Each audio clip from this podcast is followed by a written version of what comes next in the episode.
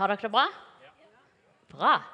Eh, jeg liker jo som regel å fortelle litt om struktur før jeg begynner. sånn at jeg vet hvor jeg er hen, sikrer meg at jeg holder meg der jeg skal. Eh, og i dag har jeg fått et tema som jeg fikk bestemme litt sjøl, så det er bra. Jeg har to poeng, jeg har to bibelvers, jeg har litt troshistorie, og så har jeg eh, noen refleksjoner i tillegg. Men to poeng og to bibelvers. Det klarer dere. Bra. Gleder dere dere? Ja.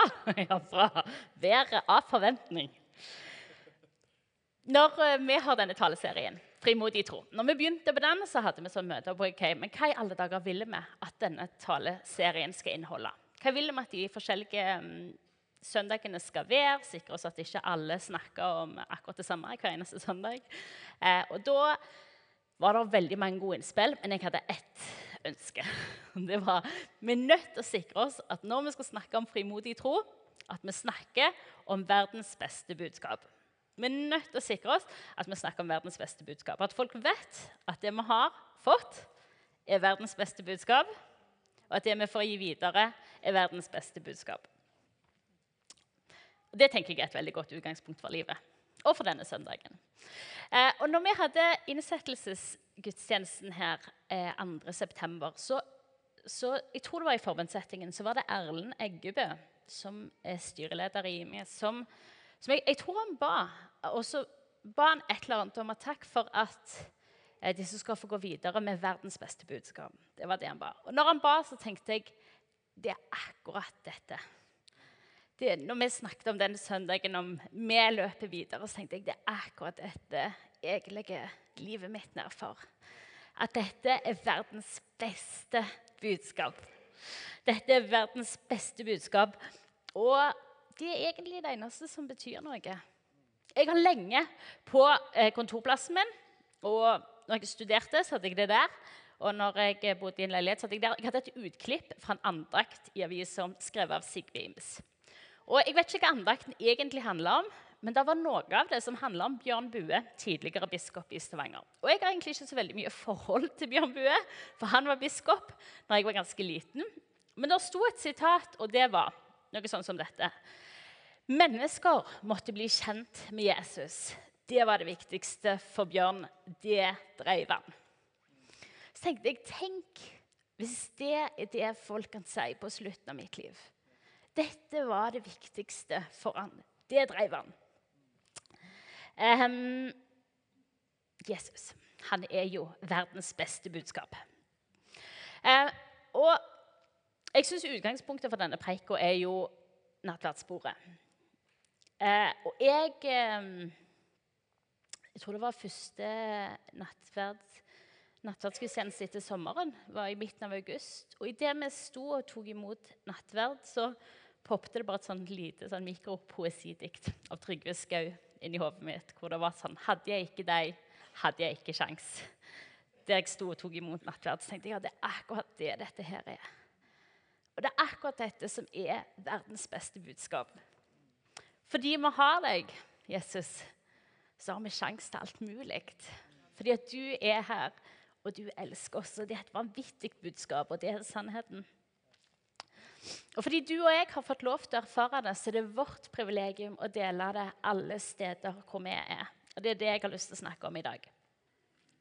Så Første punkt i dag er er du klar over at det du tror på, er verdens beste budskap. Og jeg har et bibelvers som jeg tror dere har sett før, fra Johannes 3, 16. Under tittel 'Ikke gå glipp av dette for ditt eget liv'. Vi leser de sammen. For så høyt har Gud elska verden, at han ga sin sønn den enbårne, for at hver den som tror på han, ikke skal gå fortapt, men ha evig liv. Du kan bare la det bli stående, Eivind, til det andre bibelverset. Så um, Det er jo dette som er utgangspunktet vårt. En Gud som elsker vilt. I mitt liv jeg er vokst opp i en kristen familie. Jeg har alltid trodd på Jesus. Jeg har alltid kjent meg trygge i å tro på Jesus. Jeg har alltid hatt et bilde egentlig av at jeg er Jesus sin favoritt. En grunnleggende forståelse. Så når jeg har lest i Bibelen om Guds favoritt, så har jeg tenkt Jesus, nå snakker du om meg. Ja, Det er ikke tøys engang, men det er bra. Um, og tro det har liksom alltid vært det mest naturlige i verden for meg. Stort sett alltid vært det mest naturlige i verden. Men så etter hvert så oppdaget jeg to ting. Og Det ene er at det er ikke det mest naturlige i verden for alle. Og det andre er at det er forskjell på å tenke tro og forskjell på å leve tro. Og med det mener jeg at jeg er forholdsvis hodesterke. Jeg har alltid hatt en grunnleggende forståelse av at eh, kunnskap er veldig bra, og kunnskap er veldig bra. Og jeg har alltid hatt en veldig god forståelse av at jeg er gode venner med Jesus. som sagt. Jeg er faktisk Jesus' sin favoritt. Hvis ikke dere visste det, så vet dere det nå. Dere òg, altså. Dere også, men jeg òg. Um, men fordi logikk og spørsmål og svar er viktig for meg, så har på et vis kunnskapsskåla i min vektbalanse med Jesus i relasjonen med Jesus den har alltid vært ganske tunge. Uh, og det er ingenting i verden galt. Ingenting galt med kunnskap. Altså, I love kunnskap. Det er kjempebra. Men det tredje året når jeg studerte teologi, så det er akkurat som det begynte å gå opp for meg at den ene kunnskapsskåla Den ene heter kunnskap, og den andre heter kjennskap til Jesus. Så var kunnskapsskåla den var forholdsvis tunge. Eh, og det var veldig mye godt med det. Jeg hadde med meg masse god undervisning fra herifra, fra konferanser, fra skolen, fra rundt forbi, fra cellegrupper fra, ja, Jeg hadde med meg så mye bra. Men det var akkurat som jeg begynte å oppdage at eh, det er litt for lite, kanskje, i den andre, som heter kjennskap. Jeg begynte å stelle meg litt sånn spørsmål som eh, Lever jeg som om jeg tror dette? Gir det mening? Kjennskap og kunnskap, henger dere med? Bra. Er det bare kunnskap, eller tror jeg virkelig at Gud mener det han sier? Tror jeg virkelig på all den kunnskapen jeg kan? Tror jeg at han mener det? Tror jeg at det er reelt inn i livet mitt? Jeg husker et bilde fra lenge siden min ungdomspastor den gangen, Stig Sunde, snakket om kunnskap og kjennskap. Og da sa han at Det er jo veldig stor forskjell på om du har en sjokolade og du leser bakpå innholdsfortegnelsen. Sant? Du vet alt som er i, du vet hvor den er produsert, du vet hvordan de har lagd den. Hvis du aldri har tatt av papiret og smakt, så blir det liksom ikke helt det samme. Og Det er jo et litt banalt bilde når vi snakker om Jesus, og samtidig så tenker jeg at det er veldig treffende. Vi kan vite vanvittig mye om noe uten å egentlig ha erfaringene med det. Og her tenker jeg at um, disse spørsmålene ble viktige for meg tror jeg at Gud virkelig mener det han sier om hvem han er, om hvem jeg er, om hvem han har lyst til å være i mitt liv. Har det noe for folk rundt meg å si at jeg kan overraskende mye om Jesus? Og betyr det egentlig en forskjell for folk rundt meg som ikke kjenner Jesus, at jeg kjenner Jesus? Så ble dette en veldig sånn viktig prosess for meg i forhold til å ta Guds ord på alvor og finne ut av hvordan i alle dager blir kunnskapen som jeg har, kjennskap for meg og liv. Eh, hvordan tar jeg Guds ord på alvor i livet mitt? Og Det betydde at jeg i perioder i livet mitt hvor jeg kjente meg utrygge, hvor jeg syntes livet var utfordrende, hvor jeg var redd, hvor selvbildet mitt var litt slitent, og la Guds løfter og Guds sannheter være retningsgivende og være det jeg mediterte på, og det jeg fant hvil i. Eh, et konkret eksempel var at jeg var i praksis som prest fem uker. Og jeg merket at dette her utfordra meg vanvittig. Jeg kjente meg ung og uerfaren. Jeg hadde jo egentlig ikke så veldig mye erfaring med å være i Den norske kirke og ha sørgesamtaler og alt det som det innebar. Så hver dag i bilen før jeg reiste inn til den um, menigheten som jeg var i, så hørte jeg en sang som heter 'Love Never Fails'. Og så hørte jeg den om igjen om igjen, om igjen til jeg kom til kirka. Og jeg hørte den sangen om igjen om igjen, om igjen der jeg skulle være og ha sørgesamtaler, der jeg skulle ha begravelser, eller uansett hvor jeg skulle være, så var det den sangen jeg holdt fast i. At det var litt sånn Utgangspunktet for det jeg gjør nå, Jesus, det er dette. Og så sikrer jeg meg at det er dette jeg fyller meg med. fordi det er så lett at det er all slags andre tanker som får plass og får slå rot. Så det ble liksom viktig for meg at i de dagene hvor livet var utfordrende, så var det det jeg holdt fast i. Men òg de dagene når livet var strålende, eller når livet var mest hverdag. At jeg ble på en sånn jakt. At utgangspunktet mitt det er tror jeg på det han sier. Tror jeg virkelig at han mener det han sier? Og så ble utgangspunktet mitt at hvis det står i Bibelen, så tror jeg det. Så, så enkelt må det være for meg. Forholdsvis enkel person. Og hvis jeg syns det er vanskelig å leve ut det jeg leser, eller hvis jeg synes det er vanskelig å ta inn over mitt eget liv, så skal jeg bli værende i de versene i de løftene så lenge at jeg til slutt tror det, og at det er blitt liv for meg. Fordi jeg tror det er verdens beste budskap. Er dere med så langt? Bra. Um, og det er jo det grunnleggende. Er du klar over at du tror på verdens beste budskap? Spør sidemannen din om det. Er du klar over at du tror på verdens beste budskap?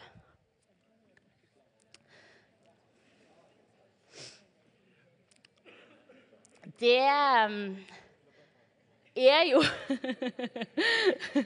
Det er jo det evangeliet er. Det er det vi leser om i Johannes 3, 16, og vi skal lese det en gang til.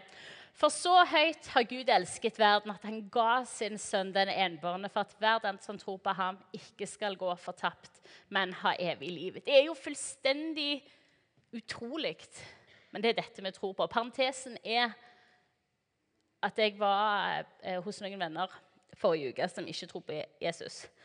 Og så snakket vi om at jeg holder på skal skrive en oppgave om helbredelse. og De spurte litt om det, tror du på sånn eller tror du på sånn. Så sier jeg ja, du vet at utgangspunktet mitt er at jeg tror at Jesus døde og sto opp igjen for mine synder. Så det er ganske mye annet jeg kan tro på i tillegg, som ikke er så veldig mye mer voldsomt enn akkurat det. Og det syns jeg er litt fint. At, nei, vet du hva, Det er faktisk utgangspunktet. Det er tidvis litt utrolig, men det er akkurat det det er. Billy Graham han har sagt korset viser oss alvoret av vår synd men det viser oss òg Guds uendelige kjærlighet. Og det er vi nødt til å snakke litt om. For det er sånn at det vi tror på, det tror vi på et vanvittig radikalt før, og vi tror på et vanvittig radikalt etterpå. Vi tror på en Gud som frelser oss ifra et liv uten Gud. Ifra et liv uten Han, et liv uten noen ting av alt det gode som Gud er. Et liv uten å kunne være i relasjon med han. Ja, hjelpes. Og utgangspunktet hans er at han elsker. Og fordi han elsker, så går han til korset. Han tar på seg våre synder og står opp igjen for at vi skal kunne ha en relasjon med han. Og han frelser oss ikke til et A4-liv. Han frelser oss ikke bare fra noe, han frelser oss til noe. Han frelser oss til et liv med han, som vi skal få ha i himmelen med han en gang. Heldigvis. Takk, Jesus. Men han frelser oss òg til en relasjon med han her, i dag, nå. Du kan snu deg til sidemannen og si 'nå'. Så er ikke det en lovnad om at alt i livet fra nå av skal gå på skinner, men det er et løfte og det er et fundament på at det er et liv hvor Gud alltid vil være med. Gud sjøl går med deg med alt det han er, i alt det som ditt liv er. Med all sin fred og med all sin kjærlighet og med all sin kraft og med all sin trøst. Og det er jo sånn at når, når engelen sier til Maria at hun skal få en sønn, så sier hun du skal kalle han for Immanuel. Gud med oss. Det i seg sjøl er jo helt vanvittig. En Gud som kommer for å være Gud med oss i alle livets fasetter og faser og perioder. Så er han Gud med oss. Den som er nær.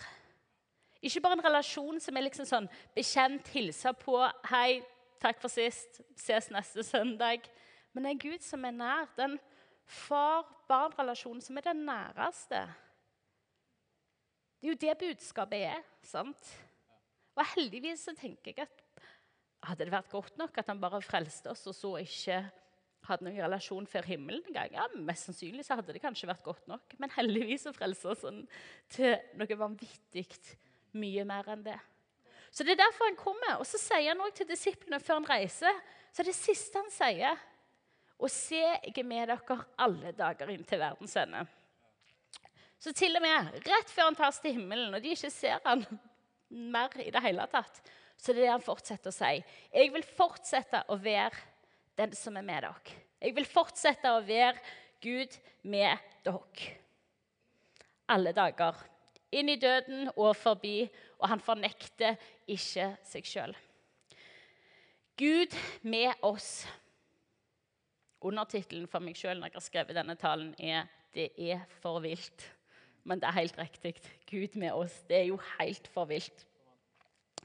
Um, og helt ærlig så tror jeg at vi trenger å eie disse sannhetene. For mest sannsynlig har mange av dere hørt akkurat disse ordene før. Men det betyr ikke at det nødvendigvis er liv for oss. Og Det er ikke ment som fordømmelse i det hele tatt. Og det er så viktig for meg. Dette, jeg snakker like mye til meg sjøl. Jeg tror ikke jeg mener det som for, formaning engang. Jeg tror mer det er en sånn seriøst Vi må ikke gå glipp av dette. Vi kan ikke ta til takke med noe mindre enn dette, fordi han har for oss det så vanvittig godt. Så livet det kan gå sin gang, hverdagen kan gå sin gang, taler kan gå sin gang. Gode poeng de kan komme, de kan gå.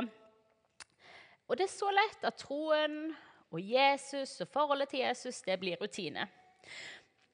Og Det er ikke nødvendigvis farlig, men jeg tror vi trenger å minne oss på at han har sagt noe vanvittig om hvem han er, og hvem han vil være i våre liv. Og det er vi nødt til å få fatt i. Fordi han mener det han sier. Og vi går glipp av så mye hvis vi ikke tar det på alvor. Min pappa pleier ofte å si 'la Gud få være Gud i livet ditt'. Og det er bra. Det er et godt ord. Men når vi snakker om Gud, så snakker vi jo om La fredsfyrsten få være fred i livet ditt. La håpets herre få være håp i livet ditt. La kilden til udødelig glede få være glede i livet ditt. La pappa Gud få være pappa i livet ditt. Henger dere med? Det er så vanvittig mye som han sier om hvem han er, som jeg tror vi skjønner liksom ikke helt hva sprengkraft er, om vi virkelig får ta det imot. At det virkelig får være liv for oss. Ikke la oss ta til takke med rutine, Jesus. I alle fall ikke jeg. vil ikke ta til takke med rutine, Jesus. Um, eller kunnskap, men ikke kjennskap, Jesus. Men la oss ta på alvor at han elsker oss vilt. Og det var utgangspunktet for dette. Han ga alt for at du og han skulle ha en relasjon. Og det er ikke som han vil gi deg noe mindre nå. Den han var den gang, er han i dag. Og han har flytta inn i deres relasjon med alt som han er. Så verdens beste budskap, tror jeg Vi kan snakke masse om at vi skal formidle Guds gode liv ut forbi disse veggene. Men utgangspunktet er at vi må forstå at det gjelder oss først. Dette verdens beste budskap er jo fantastisk. Det er fantastisk. Og det må begynne der. For det er jo sånn at til syvende og sist kan vi ikke gi videre noe vi ikke har heller. Det er nødt til å begynne med det. Så, siden jeg har begynt å grine litt, så kan alle få reise seg. Og så vil jeg at hvis du tenker Jesus, jeg trenger at disse tingene blir stadig mer sannhet i mitt liv, så skal du få legge hånda di på hjertet ditt, og så skal vi be. Det er for deg som kjenner vet du hva, Jesus, jeg vil vite enda mer av dybden av hva du er i mitt liv.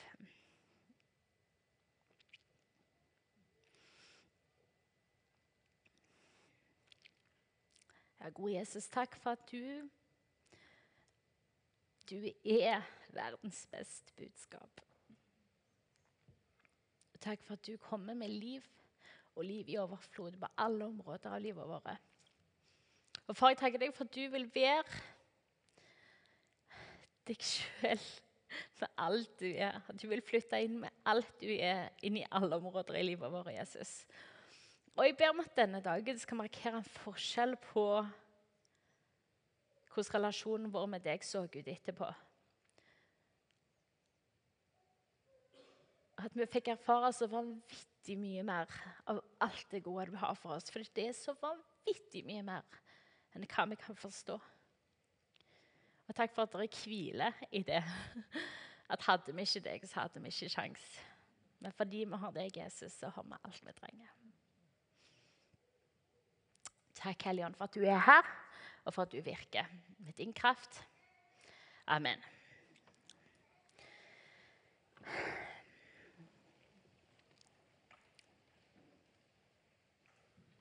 Så før vi går videre til neste bibelvers. Litt mer av min historie. Samtidig som jeg gikk disse prosessene på hvordan i alle dager ser dette her egentlig ut i mitt eget liv, så begynte jeg òg å reflektere med hvordan i alle dager ser det ut for de som er rundt meg, som ikke kjenner Jesus. Jeg husker vi sang en sang som heter eh, 'God of the City'. Hvor noe av teksten var 'Du er lyset i mørket, du er håpet for de håpløse, du er freden for de uten hvile'.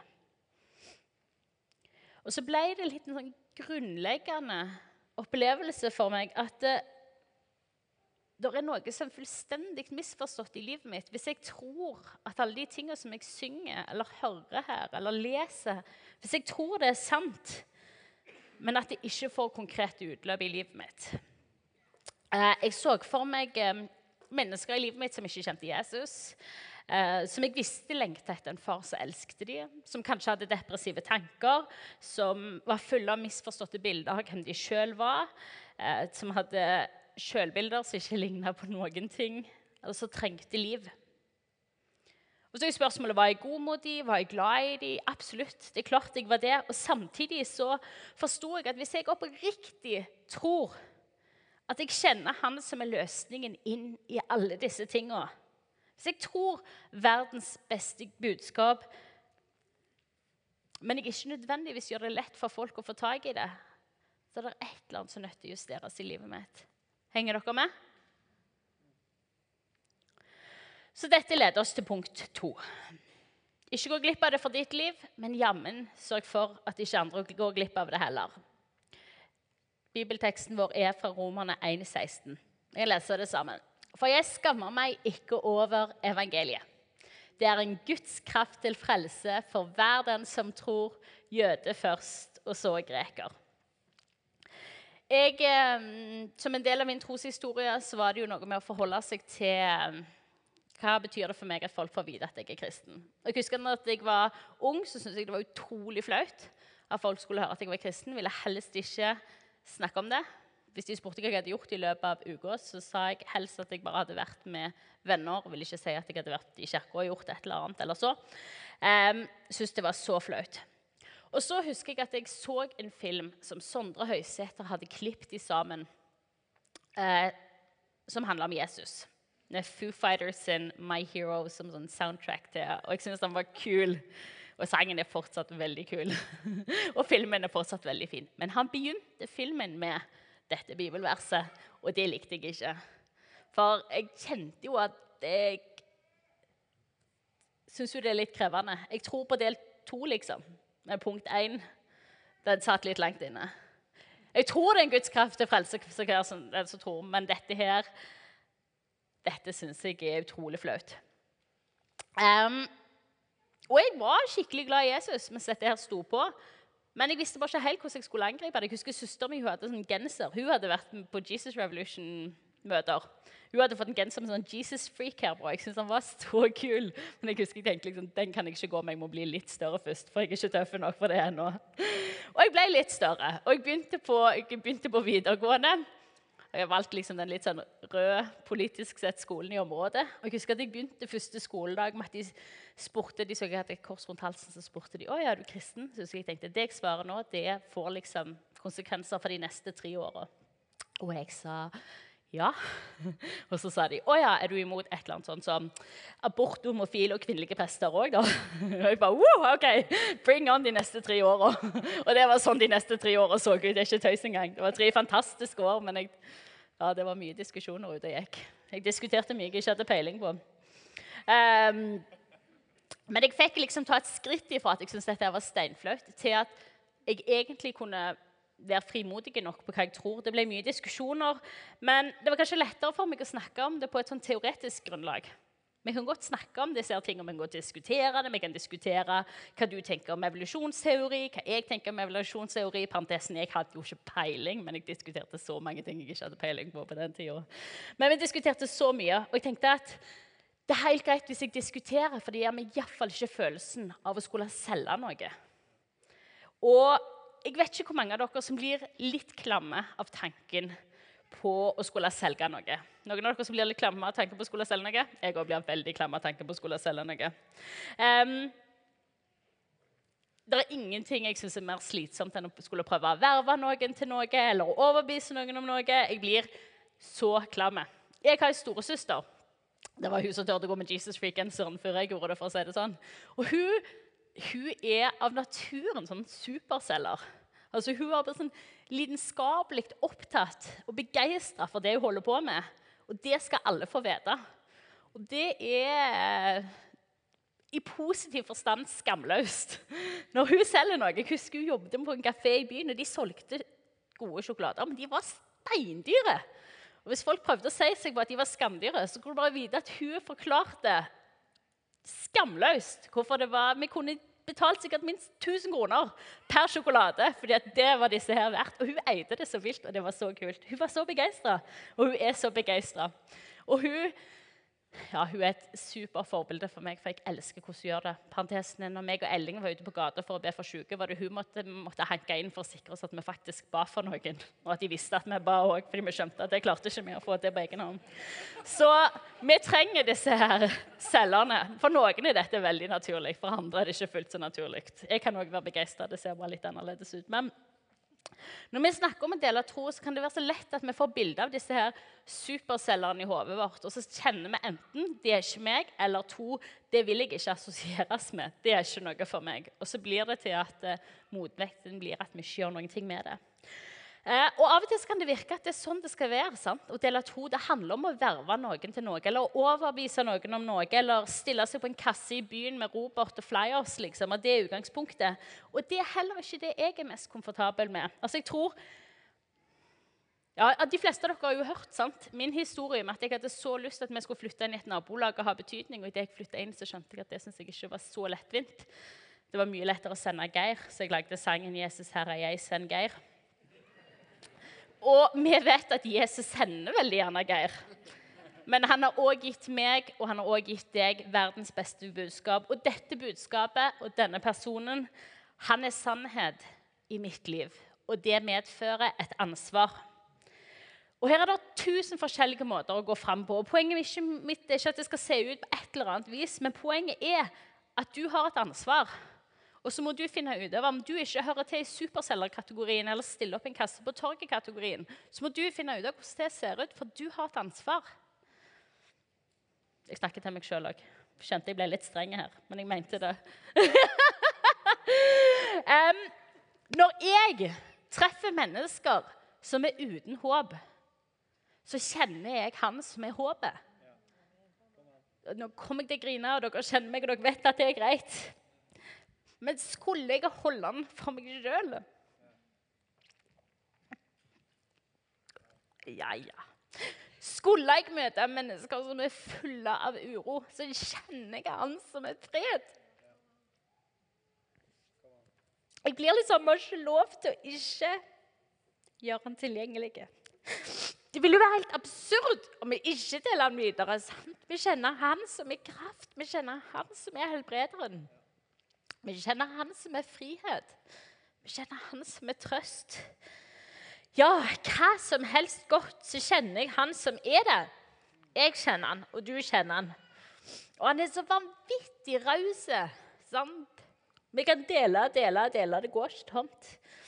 Hvordan i alle dager kan vi ikke gi det videre? Hvis vi har tatt imot verdens beste budskap, og vi vet at det er det, så skylder vi folka våre, omgivelsene våre, og fortelle dem om det. Det er litt satt på spissen. Jeg skjønner det, men det tåler vi. Det var en som sa det sånn Hvis du hadde funnet kuren for kreft, ville du ikke da ha delt det med alle? Vi har tatt imot kuren for døden, så la oss gå ut og dele den. Helt ærlig, vi er programforplikta til å gi Jesus videre. Det var det siste han sa til disiplene sine. Og det er grunn til at vi kaller det for misjonsbefalingen og ikke misjonsanbefalingen. Han sa ikke 'gå hvis du kjenner deg som superselger i dag', eller 'gå hvis du kjenner at du har stått opp på en god fot og dette kjennes riktig for deg'. Han sa bare 'gå', og fortsette å gå. til dere har gjort alle til etterfølgere av meg. Fordi dere har fått erfare det, fordi dere har blitt kjent med meg, og fordi at for himmelens skyld så kan vi ikke la være. Og jeg kan jo bli litt varm av det sant? hvis en ikke kjenner seg igjen i sånn evangelist 101. Men utgangspunktet er at vi er sendt sånn som Jesus var sendt. Og utgangspunktet, vårt, utgangspunktet til Jesus var at han var sendt av en Gud som elsker vanvittig høyt. Og det er utgangspunktet vi går for er sendt òg. Det er det vi er sendt med. Det er det vi er sendt med som verdens beste budskap. Det er utgangspunktet for livet, for å dele tro. Gud med oss. Og Hvis vi snakker om, og hvis vi tror på et dramatisk før korset og et vilt etter korset, hvordan i alle dager kan vi da la være? Hvordan i alle dager kan vi da la være? I min verden så føler jeg av og til at jeg har sånn skyhøye sosiale antenner at jeg unngår å snakke om Jesus, for jeg vil ikke virke for pushy eller gjøre stemningen litt sånn rar eller klam eller ubehagelig for de rundt meg. Og det tenker jeg at du må finne ut av hvordan dette skal se ut. Men det er et betydelig alvor hvis vi ikke finner et uttrykk for det. Vi har hørt mange ganger at du er kanskje det eneste bildet på Jesus folk rundt deg har. Det betyr at du er nødt til å ta ansvar for det. William Booth, Hvor mange av dere vet hvem William Booth er? En del. Han stifta Frelsesarmeen, og han er kjent for mange fantastiske ting. En gang så hørte jeg et sitat som han har sagt, og det har gjort inntrykk. Det står Hvis jeg trodde at jeg kunne vinne én til sjel for Herren med å stå på hodet og spille tamburin med tærne mine, så skulle jeg lære meg hvordan jeg gjorde det. Jeg elsker det. Jeg vil kanskje foretrekke å slippe akkurat den varianten. Men det er et grunnleggende ankepunkt i seg, uansett hva det koster. Hvis det betyr at ett menneske til kan få bli kjent med Jesus, så er jeg villig til å gjøre det. Så drit i skyhøye antenner. Sosiale antenner. Ja. Og jeg tror at det kan se ut på vilt forskjellige vis. Og det tenker jeg er litt sånn befriende for oss. Jeg elsker jo min fine mann som for en del år siden fant ut at i julegavetider skulle han og to kamerater kle seg ut som pakker og gå rundt med liksom skilt som sa f.eks.: Hvilken gave er bedre enn betingelsesløs kjærlighet? Og du er den beste gaven å få. Altså, Det er jo helt klin kokos. Men jeg hadde aldri gjort det sjøl. Men Paulus sjøl sa om dere bare ville tåle litt galskap fra meg. Det er jo et uttrykk. Eller du har fantastiske Finn Kolnes, som godt over 70 Nå er han blitt 80, men han begynte før den tid. Tok med seg sitt lille skilt og med sin bunke med små kort hvor det står eh, 'Gud er god, la meg fortelle deg hvorfor'. Stilte seg opp i Solakrossen og delte ut. Over 70 år! Hvor kult er det å faktisk gjøre ha frimodighet nok til å si folk er nødt til å få fatt i at det finnes en Gud som er god, og som elsker dem. Eller du har Nils Einar, som mange av dere har hørt om forrige, delte vitnesbyrdet sitt forrige søndag. Hvis dere ikke har hørt det på podkast, så sørg for at dere gjør det. Som vitnesbyrd om hvem han er, som kone sier at han kommer jo aldri hjem uten å ha fortalt noen om Jesus eller spurt om han kan få be for dem, for det er det mest naturlige for han. For dette, han har fått erfare noe som er så vanvittig godt. Eller Silje Grete, som har flytta inn i Mir, nesten min gate. Eh, og som er helt rå på å sikre seg at nå flytter hun i et nytt sted. Folk her er nødt til å få erfare at Gud er god. Jeg sikrer meg at folk får komme på middag, at jeg er til stede og tilgjengelig. Hvis de er syke, så går jeg på døra med et eller annet godt for dem. Og så er hun tilgjengelig. Det kan ha så vanvittig mange uttrykk. Men målet vårt er ikke å pushe meningene våre på noen. Det er ikke å pushe meningene våre på noen, men det er at jeg er nødt til å sikre meg at jeg får gitt dette her videre. Om ikke jeg får være et uttrykk på verdens beste budskap, som en ryggmargsrefleks for meg, så er jeg nødt til å reorientere meg. For det kan ikke være sånn at de som er rundt meg, som ikke kjenner Jesus, som ikke har fått erfare verdens beste budskap, er nødt til å grave seg gjennom lag av unnskyldninger eller litt sånn halvklamme innspill fra meg, eller frykt, eller hva det måtte være skyhøye sosiale antenner. Kanskje de må grave seg forbi det for å få fatt i det. eller før jeg tør å snakke om det. Jeg trenger at det ligger helt utenpå meg. Det er ikke deres ansvar å grave, men det er mitt ansvar å gi.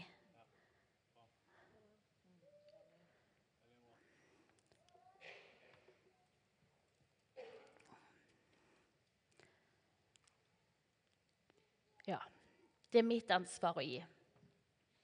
Og vi får gi fordi vi har fått tatt imot sjøl først. Det er ikke sånn at nå skal vi presse fram et eller annet, men du skal få gi videre av det du allerede har fått fatt i. Men du er nødt til å sikre deg at du gjør det videre. Det er det viktigste av hva du gjør for noe. Det er det viktigste av hva jeg gjør for noe. Gud sendte Jesus fordi han elsker deg, og han sender deg fordi han elsker de som er rundt deg. Han elsker alle de som du omgir deg med. Og de må få vite det. At allherrs Gud, vår pappa, vil være Gud med oss. Dere skal forstå.